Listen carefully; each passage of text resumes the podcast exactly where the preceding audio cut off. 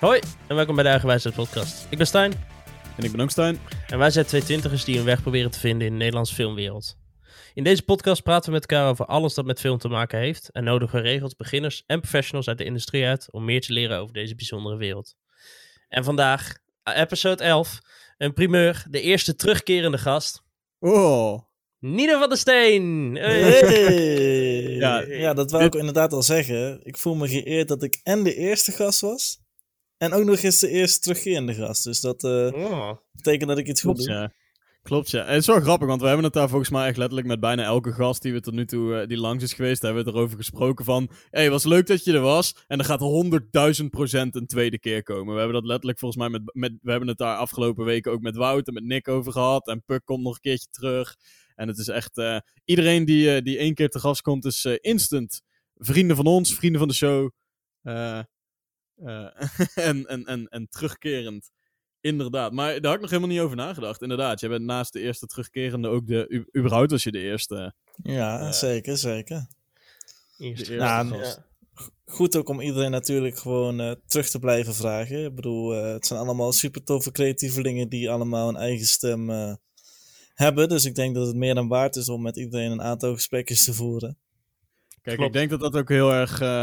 Kijk, weet je wat het is? Het concept van de podcast is natuurlijk heel erg dat we in gesprek gaan met eh, beginners en professionals. Maar tot nu toe waren het vooral eh, ja, jonge mensen die nog heel erg zoekende zijn. Dus die, die zijn nog constant bezig met zichzelf ontwikkelen. Dus die leren nieuwe dingen. Dus dan, is, dan blijft het ook interessant om die terug te vragen. Van, oh god, wat heb je de afgelopen periode gedaan? Heb je weer iets nieuws geleerd? Eh, en dan kunnen we het daarover hebben, weet je wel. Ik weet dat bijvoorbeeld toen wij die aflevering met, met Nick Jansen hebben gedaan.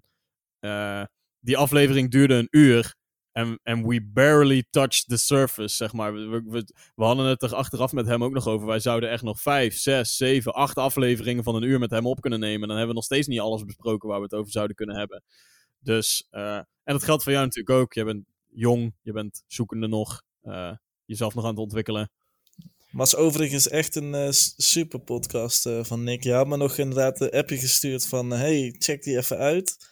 Eh, waarschijnlijk is het wel iets voor jou. En ik heb hem inderdaad in de auto even geluisterd. En eh, ja, super tof natuurlijk. Super... eh, ja, ik vind zulke unieke verhalen altijd super tof om naar te luisteren. En waar je in welke shit je allemaal kan belanden. Wat natuurlijk alleen maar een leuke ervaring kan zijn. Dus ik heb inderdaad Ja, met veel plezier geluisterd. Ja, we hadden die aflevering gedaan en ik heb vrijwel meteen jou een appje gestuurd volgens mij. Want ik wist gewoon, hè, ik weet de dingen die jij interessant vindt. Reizen, seek discomfort, eh, jezelf uitdagen. Eh, ja, gewoon dat soort gekke verhalen. En wat dat betreft heeft Nick natuurlijk ook gewoon een gek verhaal. Eh, een uitdagend verhaal. Dus ja, inderdaad, dat is gewoon het eerste waar ik aan moest denken was, was jou een appje sturen daarover. Hey, over gekke verhalen of meer. Deze is meer opmerkelijk. Dit is een artikel wat ik tegenkwam. Eh, het is al wat ouder, het nieuws. Maar ehm, het gaat over eh, Nicolas Cage. Die kennen we natuurlijk als de Mhm. acteur die elke film doet die hem wordt aangereikt. Eh, ongeacht of het een goede is of niet. Had hij niet een enorme geldschuld of zo? dat is daarom- precies waar het over gaat. En Oh, wow, wat mij vooral opviel is... Oké, dus Nicolas Cage heeft een tijd gehad waarin hij echt een reizende ster was. Hij, hij deed steeds grotere films en hij verdiende heel veel, heel, heel veel geld. Tot, tot hij op een gegeven moment eh, 150 miljoen waard was. Dus dan gaan ze een beetje rekenen en dan denken ze dat hij ongeveer 150 miljoen op zijn naam heeft staan. Ehm probleem met Nicolas Cage is, die had een gat in zijn portemonnee. En die dacht, ait, ik heb 150 miljoen, hoe kan ik dat kwijtraken? dus hij heeft eh, flink wat dingen gekocht. Hij heeft 15 eh, plekken waarin je kan wonen. Oh, Eh, dus hij heeft een, een huis aan een waterstuk in Californië. Dus vijf, aan een meer. Sorry, een waterstuk. Nou ja. Eh, aan een, huis aan meer in Californië van 25 miljoen. Hij heeft nog een, eh, een huis in de countryside van eh, Rhode Island. Dat is een andere staat in Amerika. 15,7 miljoen. En hij heeft ook nog een huis in Las Vegas. 8,5 miljoen. Maar daar stopt het niet. Hij heeft ook een oud hotel gekocht. Wat wordt gezegd dat dat gehaand is. Dus daar leven och geesten voor 3,4 miljoen. Hij heeft ook nog twee kastelen gekocht in Europa. Eentje van 10 miljoen en eentje van 2,3. Eh, oh ja, en als kers op de taart heeft hij een privé-eiland gekocht van 3 miljoen in de Bahama's. Ehm. Wat daar wel op neerkomt, is dat hij eh, een keer gepakt is op eh, belastingontduiking. En hij nu eigenlijk al zijn geld kwijt is. Plus een schuld heeft van. Even kijken. 6,3 miljoen aan de Amerikaanse overheid. Waardoor Lekker. je als acteur niet meer kan zeggen: nee, ik doe die film niet, daar ben ik te goed voor. Hij moet namelijk gewoon zeggen: ja, ik doe die film, hoeveel betaalt het? Kut, ik heb het geld nodig, ik moet dit aflossen. Oké, maar wacht, ik heb daar een vraag over. Even Hm. buiten de filmindustrie om. Ehm, hoeveel, hoeveel huizen zei je dat hij had? 15. De- het klinkt als een heel makkelijk op te lossen probleem. Je hebt er gewoon. Verkoop je je hebt namelijk ja. niet. Eh, dat is één, verkopen. Maar ik kan me voorstellen dat het lastig is om een huis van een paar miljoen zomaar even makkelijk kwijt te kunnen. Maar je zou toch al gewoon kunnen beginnen met gewoon die dingen verhuren. Of, of eh, ja, nou ja, dat, ja, verhuren. Verhuur het. Verhuur Ja, je huis. toch, of, eh, of, of maak er een Airbnb van. Of, of verhuur het aan tv-programma's zoals Temptation Island. Die de hele tijd villa's nodig hebben, weet je wel. Ik bedoel, het Oh ja, is hij heeft, vrij ook, makkelijk eh, op te lossen. ook, dat, die huizen kun je ook geld mee verdienen naast dat het geld kost. hij, heeft ook, hij is een heel groot fan van Superman, hè? Hij heeft 150.000 euro betaald voor de eerste Superman comic ooit. Daar heb ik inderdaad een keer ja, iets maar dat is van gelezen. investering. Maar de- uiteindelijk is dat natuurlijk ook het uiteindelijke doel van elke investeerder is dat je witgoed hebt. Mhm. Of vastgoed bedoel ik, Mhm. sorry, witgoed is anders. Vastgoed. En dat je daarmee natuurlijk je, je inkomen eigenlijk gewoon steady kan, ja, verdubbelen wil ik niet per se zeggen, maar wel gewoon een, een inkomen kan bouwen zonder dat je daar iets voor hoeft te doen. Maar ehm, ja, het, is, het blijft toch Nicolas Cage. En ik denk dat er nog wel meer addertjes heeft onder het gras bij zitten dan even te zeggen, hé, hey, jij wilt een huis huren, kom bij mij wonen. Hij heeft Anders ook, had hij dat denk ik wel eh, gedaan. Hij heeft ook een, eh, een, eh, een bod gewonnen van de enige echte Leonardo DiCaprio. Voor een 70 miljoen jaar oude dinosaurusschedel. Die achteraf eh, gewoon gestolen zijn, eh, bleek uit een Mongolisch eh, museum. Dus die moest hij gewoon weer teruggeven zonder geld terug te krijgen. Oh, over Leonardo gesproken. Ehm, ik las een artikeltje over een nieuwe film die hij gaat maken met Martin Scorsese. Ja. Heeft iemand daar al iets van informatie over? Want ik heb er helemaal niks van gezien. Ik, Ik- zag het het toevallig enige voorbij wat- komen. Ik, ik zag het ook toevallig voorbij komen. Toevallig dit weekend. Eh, het enige wat ik ervan weet is dat het een western is. En dat het Oeh. omschreven werd in dat artikel als eh, waarschijnlijk een van de laatste grote westerns of its kind. Dus Interessant. Ja, er komt wel ergens dit jaar nog een Netflix-film uit met Leonardo DiCaprio en Jennifer Lawrence. Nee, oh, daar weet ik echt helemaal niks van. Ja, dat is echt, dat gaat bij iedereen over het hoofd. En dat is ook, zeg maar, Netflix heeft zo'n jaarlijkse trailer waarin ze laten zien. Dat was die ene trailer van elke week een, nieuwe film die we gemaakt hebben. En daar zitten echt twee shots in van Leonardo DiCaprio en Jennifer Lawrence, die er allebei heel anders uitzien dan wat ze normaal, eh, dan hoe ze Oh, normaal nee, geen idee. Maar wat, ja, wat betreft Scorsese... Maat, een western door Scorsese met daarin Leonardo DiCaprio. Take all of my money right now. Give me that shit, nu meteen. I'm all in. Ik hoef ook geen trailer of niks te zien, I'm in. Heb je trouwens de, de, de nieuwe Fast and the Furious trailer gezien? Ja, Ah, nee, daar gaan we niet. Skip, skip, skip. Eh. nee, nee, klaar. Die, Ik vind dat echt- is op, zich, op zich interessant dat ehm, aan de andere kant van het spectrum, of in ieder geval iets wat je zou kunnen vergelijken, maar wat totaal anders is, is zeg maar de ehm, Mission Impossible serie. Want die we hebben bijna evenveel, eh, eh, zeg maar, delen. Maar die werden beter in kwaliteit. Ja. En, en ehm, is dat omdat de acteur beter is? Nee, dat is omdat het script en de regisseur beter zijn. Want, nee, ja, ja, nee, ja. I don't know. Ik heb ge en je kan meer met het concept, denk ik. Bij Fast moeten ze, moeten ze onder zoveel films het concept omgooien. Want ja, there's only so much street racing you can do. dus ze moeten het steeds blijven. En op een gegeven moment zijn ze, ze zijn groter gegaan in Fast 5 en 6. En die films waren een groot succes. En toen is er een soort van idee ontstaan bij Universal dat ze voor elke film de vorige film qua bizarheid moeten toppen. Wat in mijn ogen juist helemaal niet vijf en zes leuke films maakte. Maar ja, whatever. Here we are. We're going to space. Oké.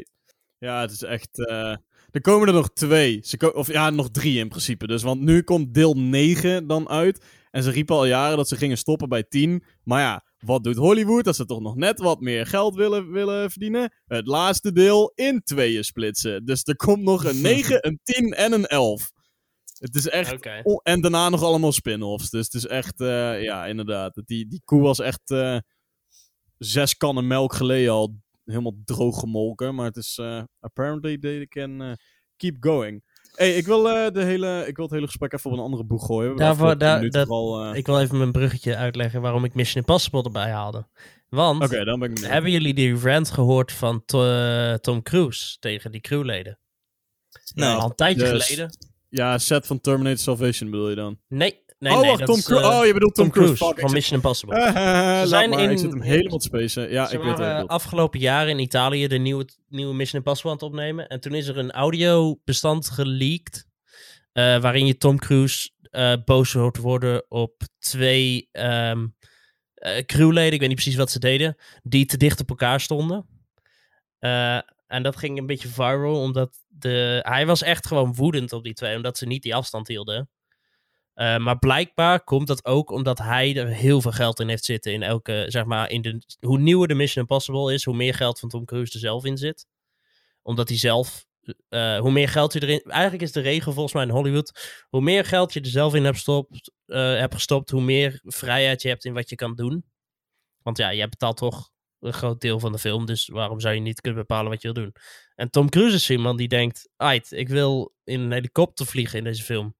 Maar ik kan helemaal geen helikopter vliegen. Mag ik even zes maanden de tijd nemen om helikopter te leren vliegen? Oh, wacht, ik heb het geld er zelf ingestopt, dus waarom zou ik dat niet doen? Ehm, maar daarmee kwamen we wel op het onderwerp wat wij al van tevoren bedacht hadden. K- COVID op set. En hoe dat eh, impact heeft op film. Mhm. Mhm. Mhm. Dus dat was mijn bruggetje. Die ik, Ik heb eh, daar overigens helemaal niks van gehoord ook. Want werd Tom Cruise echt. Like, Hij was, hij was woedend, ja. gewoon? Hij had het erover van, ik ben dag en nacht met studio's aan het bellen. En jullie twee willen het gewoon, jullie geven er niks om. En ik, ik eh, als jullie, iedereen kijkt naar ons terwijl we deze film maken. Heel Hollywood rust op onze schouders. Dat vond ik een beetje overdreven, maar goed. Het schijnt wel zo te zijn dat heel veel filmproducties wel hoe de set van Mission Impossible momenteel geregeld is, dat dat een beetje de standaard is in Hollywood nu, dat, dat studio's zeggen, oké, je kan nou deze productie gaan draaien, maar als het op een andere manier gedaan wordt dan dat Mission Impossible het momenteel aan het doen is, dan trekken we de stekker eruit. Dan, zeg maar, je moet je wel aan die regels kunnen houden. Ik heb er helemaal niks van meegekregen eigenlijk. Want wat, wat zijn de dingen waar ik aan moet... Ik, ik snap inderdaad Nou, dat we het daar even gaan hebben heel- over wat wij al mee hebben gemaakt in de, in, omtrent de COVID-maatregelen. Maar Hollywood is natuurlijk nog een stapje hoger. Dus Nou, heb, kijk, je, heb je iets van voorbeelden of zo? Eh, nee. Nee, het is volgens mij gewoon dat ze echt streng zijn op. Echt streng op gewoon afstanden en eh, looprichtingen. Dus ze moeten ook echt locaties vinden waar dat kan. En als het daar niet kan, dan kun je die locaties gewoon niet gebruiken. Dat is volgens mij hoe, hoe ze het daar doen. En bij ons is het zo. Ik denk dat het qua regels nog vrij hetzelfde is als wat wij hier in Nederland Het is hebben. vrij hetzelfde, op een veel maar- grotere schaal. En een stuk strikter. En eh er hangt altijd boven je hoofd. Als je het niet doet, wordt de, wordt de plug eruit gehaald en dan heb je geen film. Want als ik kijk naar wat wij deden, we hadden een locatie waar we wel een looprichting hadden en de afstand probeerden te bewaren, maar soms kon dat gewoon niet, omdat de locatie dat niet qua grootte toeliet. Ehm, maar daar, daar kun je vast wel meer over vertellen, Nino, want jij hebt jou verdiept voor die film Ja. eh, in het, eh of ondergedon. Ik weet niet, heb je dat voor die film moeten doen, voor, voor eh, zeg maar op de rekening, of heb je het ook daarvoor Ik denk al? het wel, ja. Nee, ik denk, nou, ehm, de eerste keer dat ik er. Nou, hoe het eigenlijk een beetje begon met de hele COVID-maatregelen omtrent film is. eh, ik, zat een keer op een productie. eh, een korte film die werd gedraaid in Eindhoven. Ehm, en dat was een beetje rond het begin van de hele coronaperiode. Ehm, en toen. Nou, er stonden denk ik een stuk of 15 dagen gepland, iets in die richting. Waar ik een aantal dagen van, eh, van ja, op de set zou staan. Maar halverwege die productie is de hele productie, de rest van de draaidagen zijn gewoon geskipt vanwege de maatregelen. Dus we zijn allemaal eerst in de periode gekomen dat we natuurlijk ehm, ja, nog niet wisten wat de toekomst voor ons beroep was. Omdat we gewoon niet wisten met hoe wij met de maatregelen, maatregelen om zouden moeten gaan. Eh, dus het was een hele wazige periode. Ik denk natuurlijk voor heel Nederland was het een hele aparte periode eh, om, ehm, ja, vooral heel angstigend omtrent uh, de toekomst van ieders persoon. Ehm, maar uiteindelijk kwam er dus vanuit het RIVM slash de overheid, waar, vanuit welke partij het precies komt, dat weet ik niet. Maar ik weet dat het in ieder geval overheid, uh, uh, overheidsbestanden zijn. kwam er een speciaal AV-protocol, zoals we dat noemen. en het AV-protocol, nou, dat staat eigenlijk heel simpel voor het audiovisueel protocol. Waarom die in het leven is geroepen, denk ik, is omdat de overheid en uh, Nederland in het algemeen heel veel waarde kan hebben aan ehm, bepaalde AV-producties. Ze kunnen natuurlijk niet het nieuws stilleggen, ze kunnen geen um, ja, gesprekken. Het, is vooral voor de, voor de televisie, denk ik, in het leven. Juist, juist. Ik denk mensen zitten veel thuis, dus wat doen ze? Ze kijken tv. Want dat, ik kan me herinneren dat aan het begin van de coronaperiode, dat toen in de eerste maand of twee maanden was het voornamelijk op televisie heel veel herhalingen. En toen het duidelijk werd dat oké, corona is here to stay. Dit gaat langer duren dan dat we van tevoren verwacht hadden. Toen is een beetje dat AV-protocol in het leven geroepen. Want je kan niet anderhalf jaar tot twee jaar lang alleen maar herhalingen uitzenden. En zeker als jij probeert om mensen in hun huis te houden, is de televisie daarvoor gewoon een heel goed middel. Zeker, ja, nee, niet alleen dat. Het is natuurlijk ook. Waar zou je zijn als, als maatschappij zonder het nieuws? Waar zou je zijn zonder ook maar iets van een vermaak thuis? Uh, dus ik denk dat dat ook wel met ja, bedachte redenen uh, dat protocol is opgezet. Nou, het scheelt dat, um, ze een, ja, dat wij ook onder het AV-protocol van, snap je? Wij, um, zowel fictie als documentaire als commercials, als eigenlijk alles valt onder, het, uh, onder audio, audiovisueel. Um, aan de ene kant denk ik van, ja, als ze dan echt alleen maar nieuwsuitzendingen wouden doen, of wouden door laten gaan, of iets in die richting, dan hadden ze dat wel specifieker aangepakt. Uh, maar in dit geval zijn wij eigenlijk sinds dat protocol heel erg. Um, ja, hebben heel veel, heel veel mazzel. Dat we überhaupt door mogen gaan met ons beroep. En dat we daar ook echt uh, bijna afschuwelijke uitzonderingen voor krijgen vergeleken met andere beroepen. Um, nou, ik zou het een en ander vertellen over het AV-protocol. Het, is een, het is een protocol dus wat vanuit het eh, RIVM slash de overheid is opgezet. Um, in die protocol staan basisregels van Um, nou, was je handen, hou afstand, um, dat soort dingetjes. Natuurlijk wat we een beetje in het algemene protocol van het RIVM kennen. Uh, maar ook staan er uh, bepaalde handelingen in op, op filmsets. Want nou, stel we zouden een scène moeten regisseren met een aantal acteurs. Weet je, je hebt hele intieme scènes kunnen voorkomen. waar, waar acteurs heel dicht bij elkaar komen. Um, en om te voorkomen dat daar iets mis zou kunnen gaan, is natuurlijk het eerste stap wat er altijd wordt gedaan, is een uh, preventieve test. Dus dat alle acteurs in ieder geval uh, getest zijn op set. Uh, en vervolgens zijn er ook nog eens bijvoorbeeld een bepaalde klasses aan gevaren per scène. waaraan je ook kan zien, nou ja, stel het is een hoge, hoge gevaar, dan moeten we meer maatregelen nemen. Met lage gevaren scènes dan um, ja, met medium risk of low risk, dan uh, zijn er minder maatregelen die van pas komen. En zo is er een heel boek uitgeschreven met, um, ja, eigenlijk, eigenlijk elke situatie kan je daar wel in terugvinden hoe en wat je dat kan aanpakken en hoe je dat het beste kan, um, ja, zo veilig mogelijk kan behandelen. Um, het is trouwens een, uh, een AV-protocol trouwens te downloaden via het uh, Productiealliantie, de website. Dat is de algemene productie website uh, van, van Nederland. Um, waar, alle, waar alle belangrijke ja, informatie en documenten opkomen omtrent producent zijn eigenlijk. Dus sowieso een tip voor alle mensen die die nog niet hebben gezien. Check die even. Um, en voor de rest, ja, het is eigenlijk gewoon één groot gedoe, dat AV-protocol. Want het is, uh, volgens mij hebben we dat de eerste keer ook al verteld bij de eerste podcast. Of de eerste ja. aflevering van ons. Is dat het, ja, het duurt gewoon soms weken langer voordat je iets gerealiseerd krijgt. Omdat je gewoon heel tijd zit te, ja, te kutten met die, met die, um, met die maatregelen.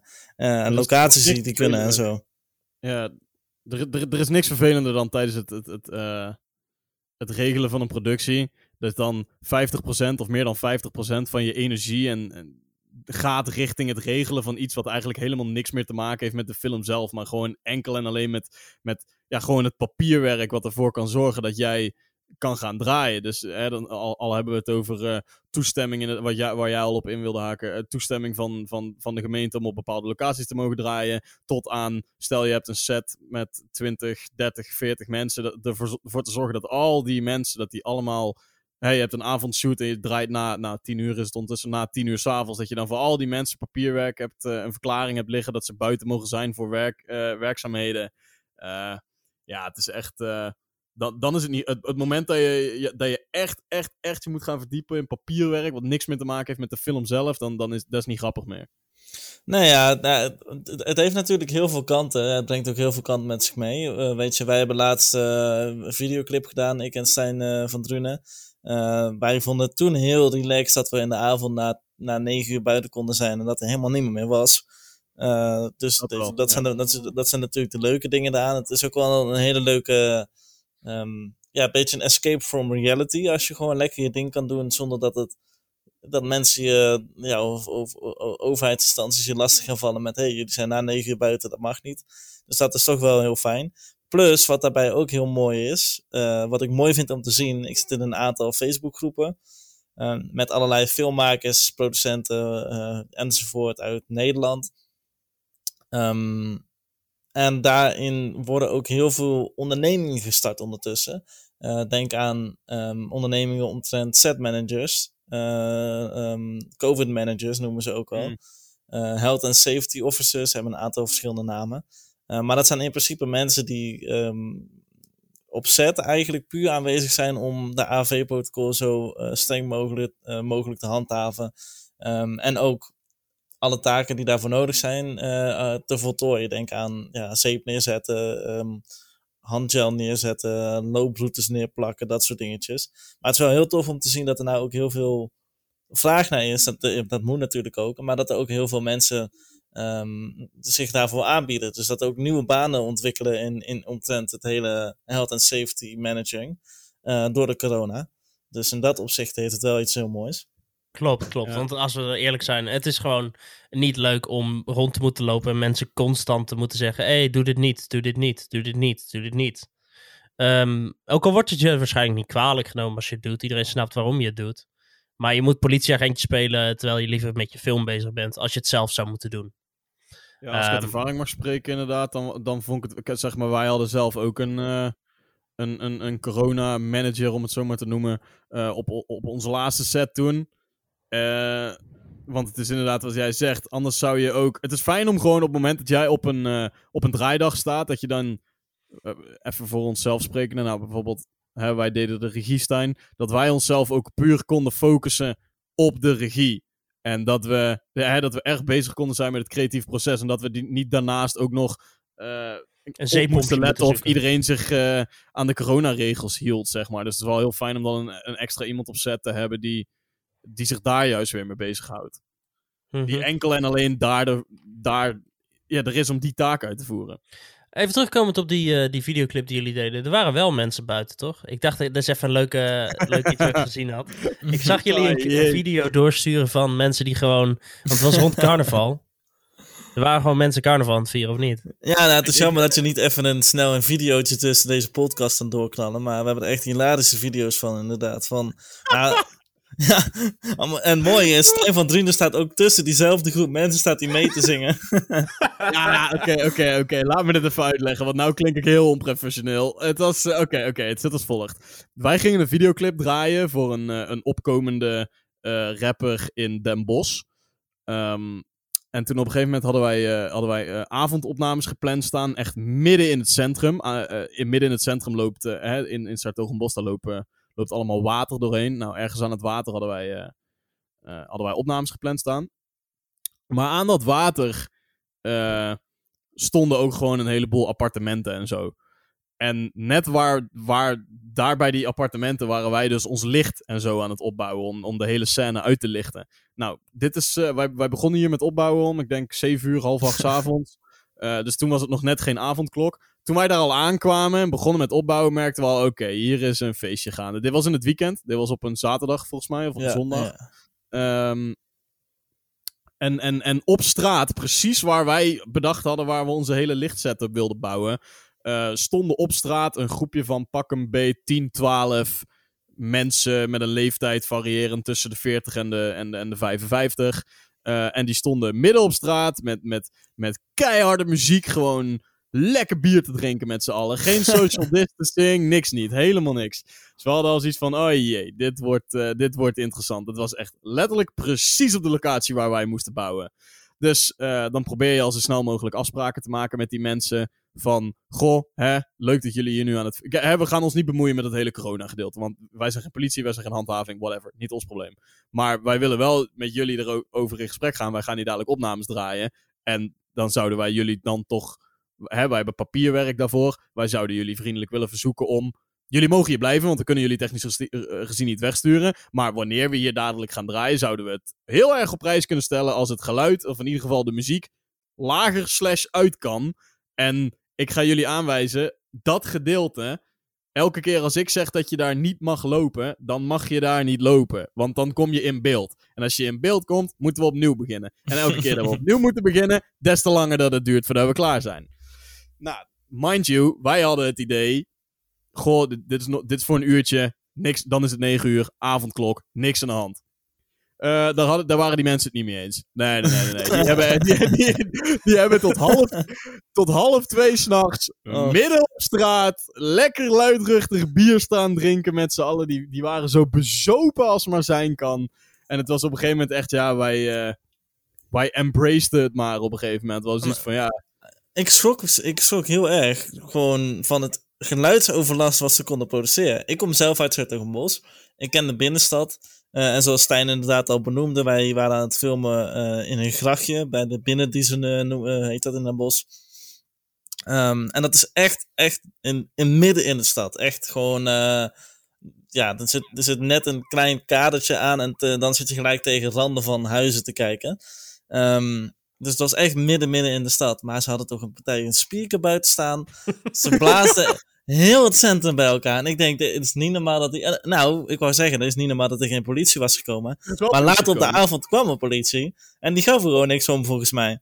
op, een gegeven moment kreeg, uh, op een gegeven moment kreeg ik, zeg maar, uh, op het, tijdens het opbouwen, alles ging op zich prima. Maar toen op een gegeven moment, wij kregen wel in de gaten van, uh, er moet iemand in de buurt blijven van die groep. Anders gaan ze ons ten last zijn. Dus iemand moet hun een klein beetje. Iemand moet aanspreekpunt zijn vanuit, vanuit ons voor hun. Want wij kunnen hun niet wegsturen. Maar we vinden het. Dus we probeerden hun echt een beetje te vriend te houden. Um, nou, het was uiteindelijk kwam het erop neer dat ik dus de aangewezen persoon was om gedurende de, de opnames uh, in de buurt te blijven van die groep elke keer, hè, ik had een oortje in, dus elke keer als we een nieuwe opname gingen draaien, dan werd dat over het oortje werd dat tegen mij verteld. En dan kon ik tegen hun zeggen, oké, we gaan weer draaien, zouden jullie alsjeblieft, toontje lager, even wachten. En dan, nou, opnames duren 40 seconden tot een minuut. En dan, uh, en dan kunnen jullie weer, weet je wel. Um, dat is eigenlijk de manier waarop we de eerste 2, twee, 2,5 uur aangepakt hebben. Toen op een gegeven moment was het denk ik een uurtje of elf. En toen, uh, toen kwam er een politieauto aanrijden. En toen onze eerste gedachte was allemaal: oké, fucking hell, eindelijk. Weet je wel, chill. Politie komt, komt hun een boete geven en vertellen dat het avondklok is. Hop naar binnen en weg, klaar. En dan kunnen wij rustig mooi uh, onze opnames afronden. Nou, die politieauto die, uh, die stopt. Twee agenten die stappen uit. En uh, die lopen richting de groep. En ja, het, het, nou, het, het, eerste wat ik eigenlijk zie gebeuren is... die eerste agent die geeft... de eerste, de beste persoon die die tegenkomt van die groep... geeft die een hand, zegt hij. Uh, Goedenavond. Zo, ik zie dat jullie het uh, gezellig hebben hier buiten. En toen, uh, toen antwoordde die man met... Ja, kijk gezellig. wil je ook een drankje? Toen werden er twee blikken cola gehaald voor allebei de politieagenten. Toen hebben ze daar tien minuten tot een kwartier gezellig staan kletsen. En toen zijn de agenten weer in hun auto gestapt. en weggereden. Geen boete, geen waarschuwing. Ze werden niet weggestuurd. Niks. Politie reed de straat uit. En bam, muziek ging weer aan. En het was weer feest. Tot, ja, echt tot half twee s'nachts. Zo tot ja, wij weg half waren. Tot wij weggingen, ja. Nou, het mooiste nog aan die groep... Het mooiste nog aan, die hele, aan de hele groep uh, van volwassenen die lekker aan het feesten waren.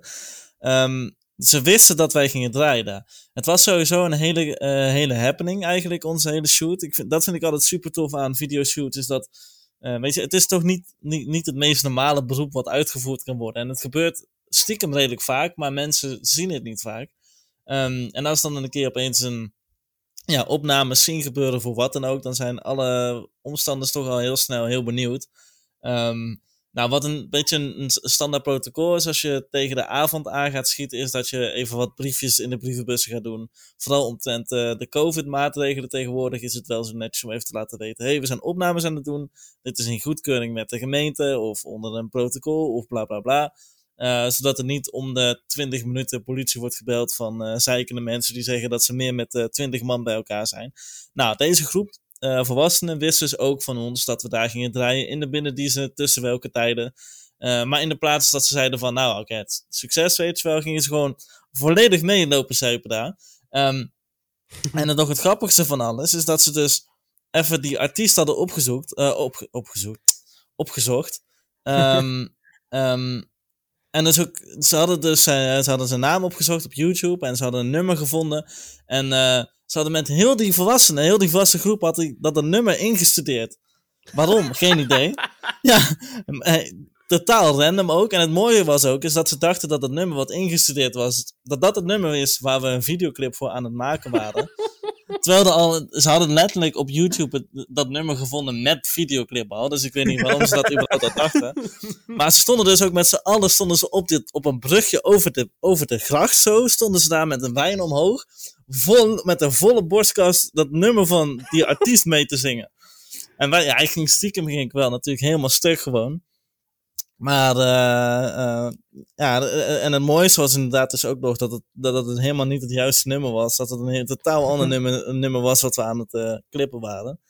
Dus ja, dat maak je dus ook mee tijdens de avondklokken. Um, en wat, we hadden ook een avond eerder, een andere locatie, hadden we ook een, een, een buitenshoot bij een soort parkeerplaats.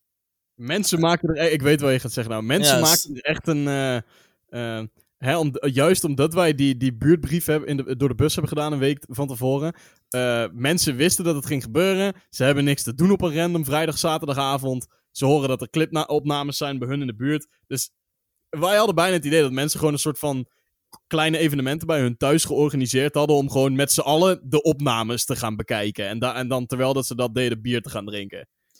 Ik, ik, kreeg ook op een gegeven moment, rond een uurtje of half één s'nachts, kreeg ik gewoon appjes op mijn telefoon. Maar mijn telefoonnummer stond dus uh, op het briefje van uh, die in de buurt was uitgedeeld.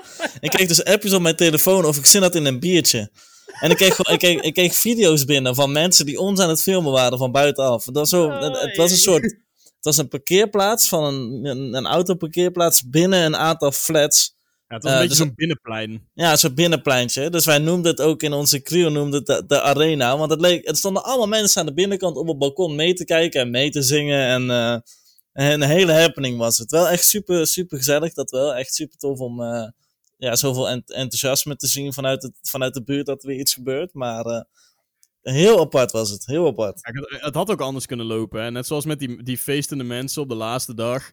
Kijk, op zich, het was op zich wel vervelend dat ze allemaal stom dronken waren. En ik denk dat ik ze echt wel een miljoen keer heb uit moeten leggen dat als jij je hoofd hier om de hoek doet en jij ziet de camera, dan betekent dat dat de camera jou ook ziet. Daar heb ik, en er was één vrouw in het specifiek, die was zo stom dronken, die dan denk ik wel twintig keer met mij de discussie is aangegaan van, ja nee, maar het is avond, het is kei donker hier.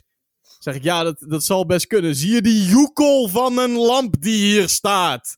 Die staat er niet voor niks. Die staat er zodat je wel iets kunt zien. Dus die ziet jou ook. Dat is echt, ja, is echt. Maar aan de andere kant, kijk, weet je, waren op zich wat dat betreft vriendelijk genoeg. Ik heb de hele avond daar gestaan en, en die mensen een beetje proberen in toon te houden. Ze wilden op zich best prima naar mij luisteren. Kon ik wel waarderen. En ze hebben echt letterlijk de hele avond gewoon blikken cola naar mij gebracht. Kon ik ook wel waarderen. Dus kijk, voor hetzelfde geld had je een groep mensen die, die juist super lastig of dronken, agressief misschien zelfs wel uh, zich zouden opstellen. Dan heb je een groter probleem. Ik heb wel eens gehad dat ik uh, als PA ergens... Ne we waren aan het opnemen bij een soort... Uh, dat is een oude fabriek in, in, in, in Den Bosch, bij de, langs de verkadefabriek. Er zit nog een, een fabriek die, die zeg maar niet meer gebruikt wordt. Daar zitten allemaal mm bedrijfjes in. Dus allemaal ZZP'ers die dan... er zat één, en er zat dus één man in, die deed houtbewerking. En die dacht op de draaidag: Oh, vandaag is de dag dat ik even alles ga boren en, en schuren wat ik heb. dus toen was er eerst de paniek in de crew van waar komt dat geluid vandaan? Uh, dus dan moest ik dat gaan zoeken. Toen had ik het gevonden en toen zei ik, ja, het is eh, iemand, eh, die meneer is aan het boren.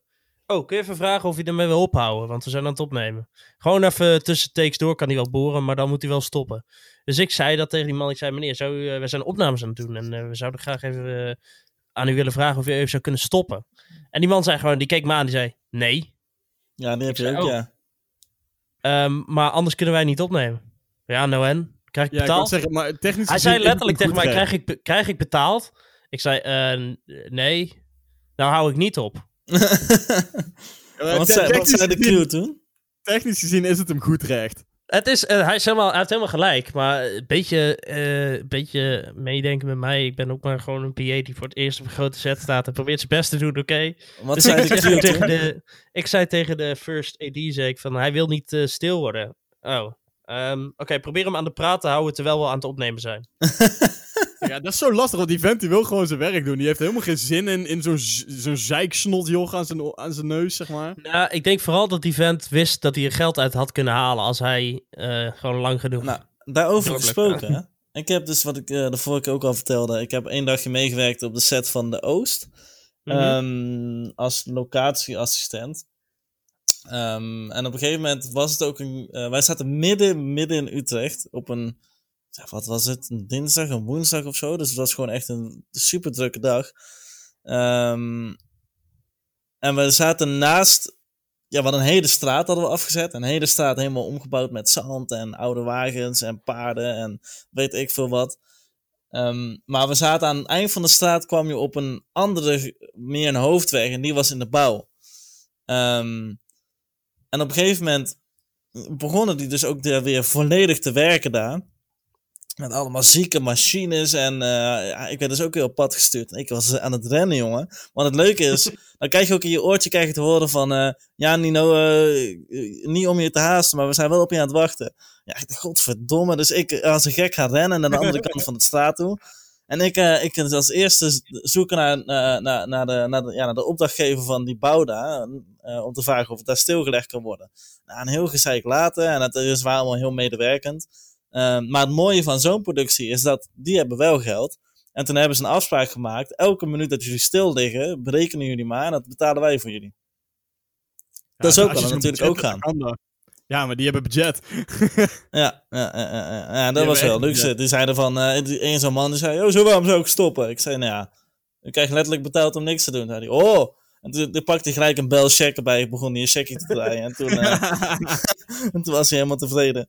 Ik zweer, PA is het allergrootste kutwerk wat er is. Dat is echt... Want de- allebei deze verhalen zijn gewoon... Ik, ik, ik herken dit zo erg. Het is gewoon letterlijk gewoon een, een, een, eh, een opnameleider of een regisseur of net wat... die dan zo'n PA commandeert van...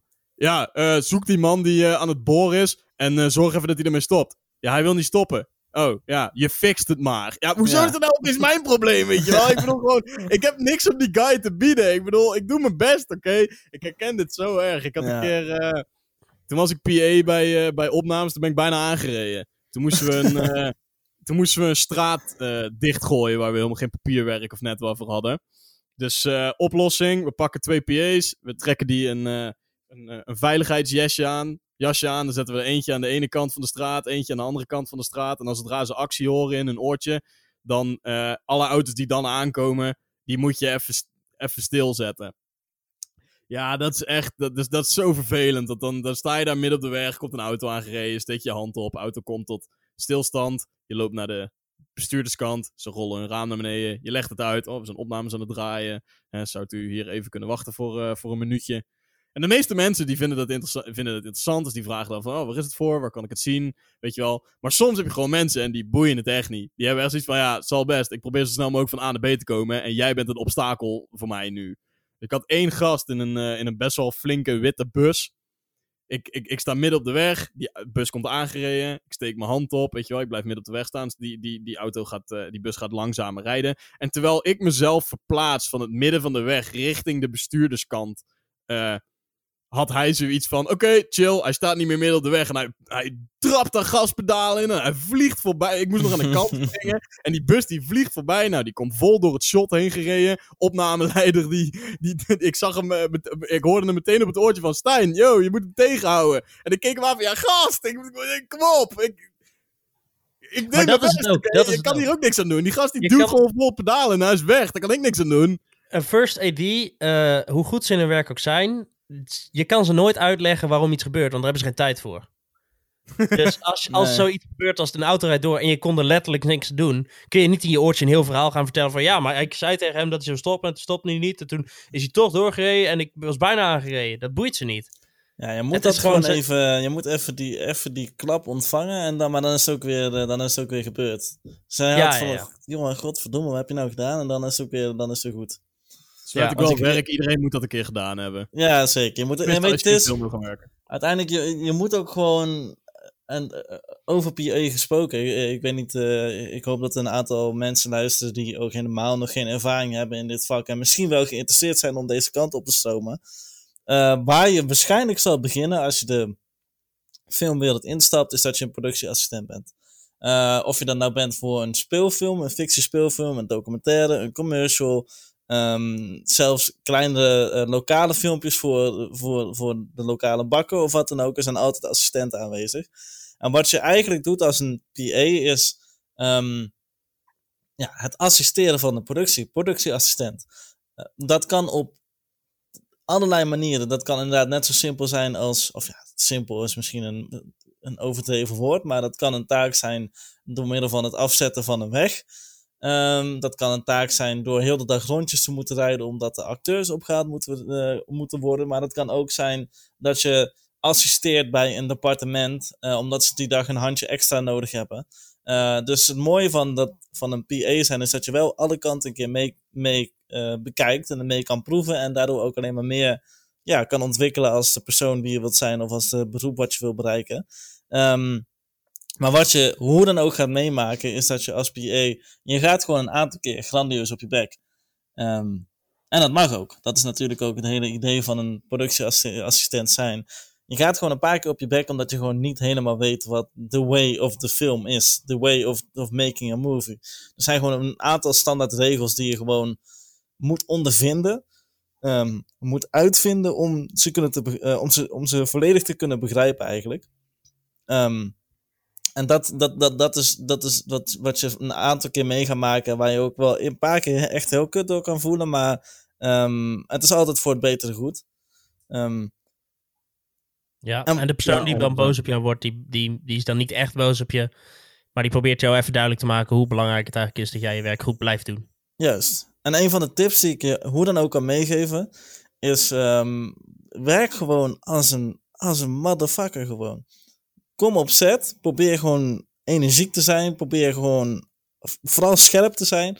Ehm, want wat, waar, waar, waar, waar, waar productieassistenten super fijn kunnen zijn, is als ze net een stapje voor kunnen zijn dan de mensen die aan iets aan hun vragen. Nou, een voorbeeldje. eh, je ziet iemand ja, een beetje struggelen met een tent opzetten of weet ik veel wat. Als je net een, een, een, net een seconde eerder even hem kan bijspringen, dan ben je gewoon scherp. Dan ben je ook, ehm, dan ben je echt tot hulp eh, op zo'n set. En het, nou, nogmaals, het is een leerproces. Het zal nooit de eerste keer gelijk zijn. Maar op een gegeven moment ga je een beetje de kneepjes zien en de kneepjes voelen van hoe een film wordt gemaakt en waar de, waar de knelpunten kunnen zitten. En dan kan je echt heel erg van, van belang zijn als productieassistent. En als je al daarvan belang bent, dan zal de rest vanzelf komen. Dan word je steeds vaker gevraagd. Dan ga je nieuwe mensen leren kennen. Dan ga je kunnen netwerken. Ga je een keer willen assisteren bij bijvoorbeeld de camera of ehm, bij productie. En dan stap voor stap bouw je vanzelf wel een keer eh, ja, op waarnaar waar je naartoe wilt. Maar ehm, het, Ja. is een heel, het is een hele ervaring, productieassistent, dat wel.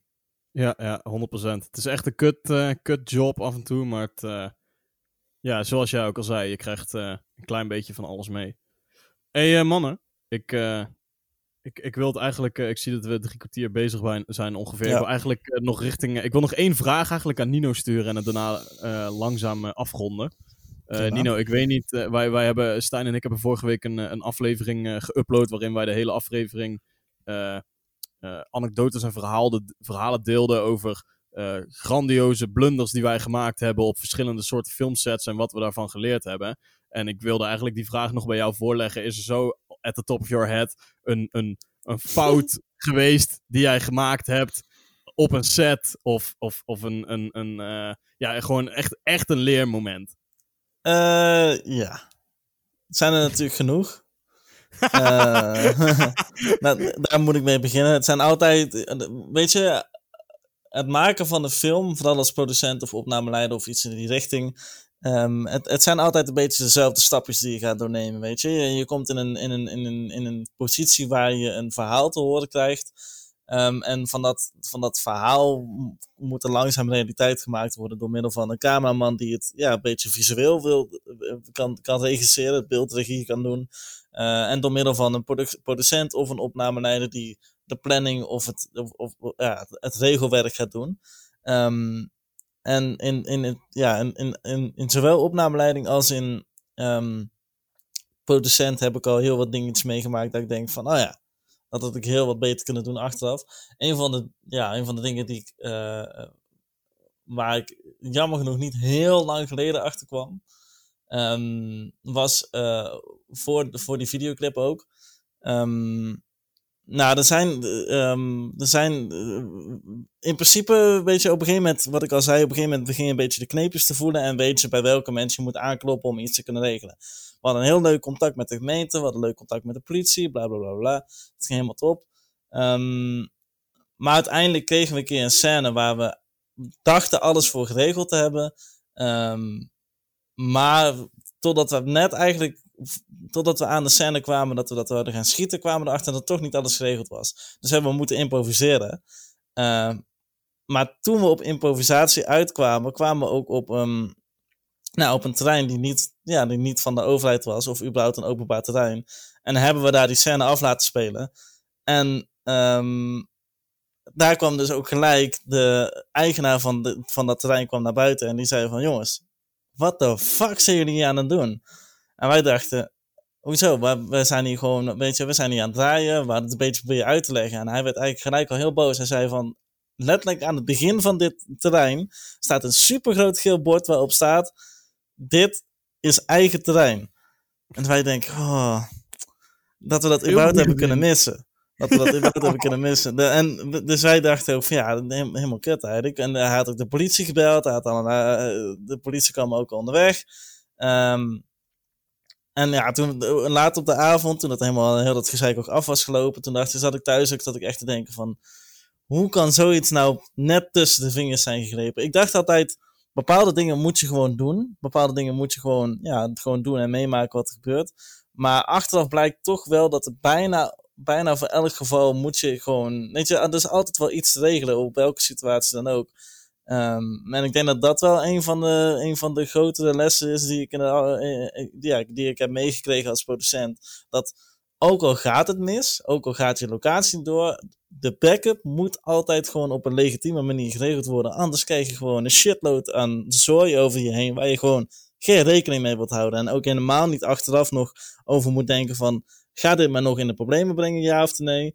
Um, ja, dat was echt heel kut, was dat. Echt heel na. Maar, uh, oh ja. Geleerd. En, um, ja, dat is eigenlijk belangrijk. Ja, dat, dat, dat is alles wat ik zeggen eigenlijk. Geleerd. Ja, nou ja, oké, oké. Ik, ik, ik weet toevallig over welke situatie dat je nu praat, over wat die fout dan precies was. Ik vind dat je dit verhaal, Nino, heel erg mooi hebt verteld, zonder specifiek te vertellen wat nou eigenlijk precies uh, ja, net zo. Uh, het is heel genuanceerd, uh, is, het, is het verteld, wel, dat het nog wel te volgen is, maar we hoeven niet in, in, in details yes, yes. te treden. Netjes, netjes. Um, ja, mannen, ik, ik, ik, ik denk dat we hem dan hier rustig gaan, af, kunnen, af kunnen gaan sluiten. Dat denk ik ook. Yes. Ik, uh, ik, ik, ik, weet dat inderdaad jullie uh, mooi maximale range is tussen de 30 en de 40 minuten. En ik weet dat jullie daar vrijwel altijd overheen zitten. Dus, uh... het, het, hangt er een beetje vanaf. Soms hebben we afleveringen. Hè, als, we er, als we een aflevering hebben met een gast. waarin de hele aflevering ook specifiek gaat over de gast. en over waar diegene in gespecialiseerd is. dan richten we een beetje rond de 45 à 50 minuten. En gaan we er altijd overheen. En als wij uh, Stijn en ik een aflevering met z'n tweeën doen, dan zeggen we meestal 35 minuten, prima. En dan gaan we er ook altijd overheen. dus wat dat betreft uh, uh, toch altijd langer aan het praten dan dat we van tevoren ingeschat hadden. Ja, ja. ik heb ook weer allerlei ja, vragen opgekregen wat een heel leuk gespreksonderwerp zou kunnen zijn. Maar ik denk dat dat weer een heel mooi oplopertje Voor is voor de eerstvolgende keer misschien. Ja. Schrijf het op, schrijf het op, onthoud het. En dan, eh, want eh, laten we. Wat dat betreft, eh, Nino, heb je nu ook de kans om primeur te maken als eerste gast die voor de tweede keer terugkeert. Hey! Hey. Wat dat betreft loop je nu dus voor in de. Als, hè, als er ergens een trackboard is, dan loop je voor in de race. Je bent de eerste die op twee afleveringen zit. Ja, en zoals we ook de vorige keer al zeiden en aan het begin van deze episode, ben ervan overtuigd dat er komt nog wel een derde en een vierde en een vijfde. Wij, wij hebben gewoon goed contact met elkaar. Wij spreken elkaar Zeker. regelmatig. Zeker. En wij kunnen eh, fijn praten over gewoon alles wat met film te maken heeft. Dus eh, af en toe is het gewoon eh, leuk om, om een keer iemand uit te nodigen. Hè, want we hebben dan de eerste aflevering gedaan en die ging echt specifiek over jou en de dingen die, die jij doet binnen film. Maar soms, en, en dat is iets wat we ook een klein beetje getest hebben met deze aflevering, is het gewoon leuk om een aflevering te maken met, en iemand daarbij te gast te hebben. Gewoon zodat we een extra mening hebben en een extra voice Ja, om, ja, ja. om toe te voegen aan het gesprek. En niet zozeer omdat dan de af- hele aflevering over die pers- bepaalde persoon zou moeten gaan. Ik vond het in ieder geval. eh, ja, ik vond het heel leuk. Ja, dankjewel mannen. Nogmaals. En eh, wat ik de eerste keer ook al zei en wat ik deze keer nog een keer ga herhalen en de volgende keren ook nog. Super tof dat jullie dit echt eh, nou, wekelijks aan het uploaden zijn. Ik eh, luister er met veel plezier naar en eh, ik ben zeer benieuwd welke gasten er nog eh, op, je, op het pad gaan mogen komen. En eh, tot de volgende keer denk ik dan hè. Yes. Yes. Ehm, nog even snel voor de mensen die jouw andere episode niet gehoord hebben. Waar kunnen ze je volgen? Nou, dankjewel. Wat deze promotie. Wat lief allemaal. Ehm, mijn Instagram, eigenlijk overal eh, heet ik gewoon Nino van der Steen. Lekker simpel, lekker plain. Eh, ehm, dus Insta at Nino van der Steen. Ehm, of NVDS misschien? Nee. Nino van der Steen is het. Oké. En op Facebook. En dat was het. Oké, nou, eh, bedankt. Wij zijn eh, te beluisteren op eh, meerdere pad... pla- oh, zo, oh, die doe ik even opnieuw. We zijn te beluisteren op meerdere podcastplatformen, waaronder Google Podcast, iTunes, Apple Podcast en natuurlijk Spotify. Elke maandag uploaden wij een nieuwe aflevering om 7 uur. En je kan ons volgen op Twitter en Instagram met dezelfde, met dezelfde ad. Eh, EWH lagenstreep podcast. Dat is EWH laagstreep podcast. En dan eh, rest mij niks anders te zeggen dan tot de volgende keer.